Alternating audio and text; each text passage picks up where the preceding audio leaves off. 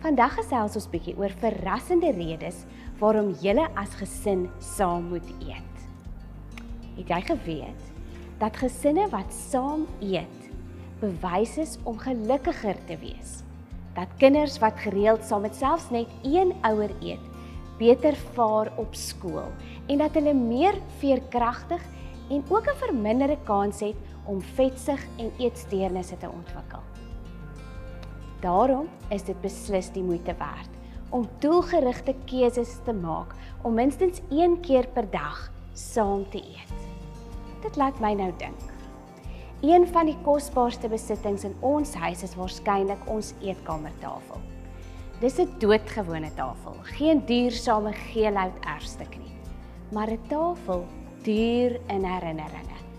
'n Tafel wat waarskynlik die enigste plek is waar ek deesdae my tieners en my man gelyktydig op een plek kan kry.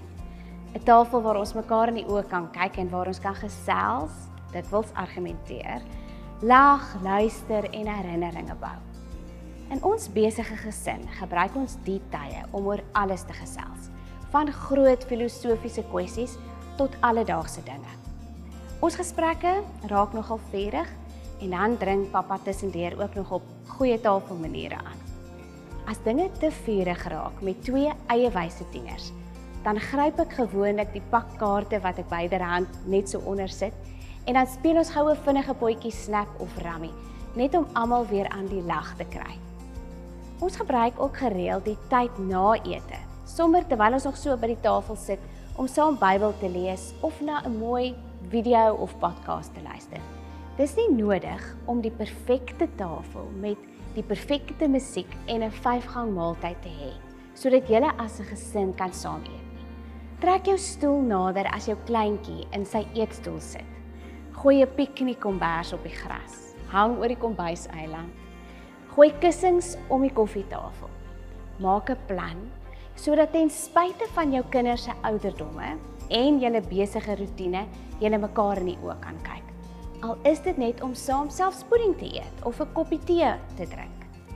Etenstye is die ideale geleentheid om lewensvaardighede te oefen. En daarom is daar gewoonlik 'n paar reëls wat met etenstye geld. Ons oefen gesels en daarom word daar geen elektroniese toestelle by die tafel toegelaat nie. Ons oefen goeie maniere en daarom kou ons met ons mond toe. Ons praat nie met ons mond vol kos nie.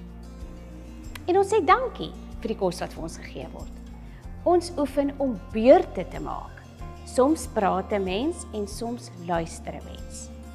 Ons oefen emosionele intelligensie.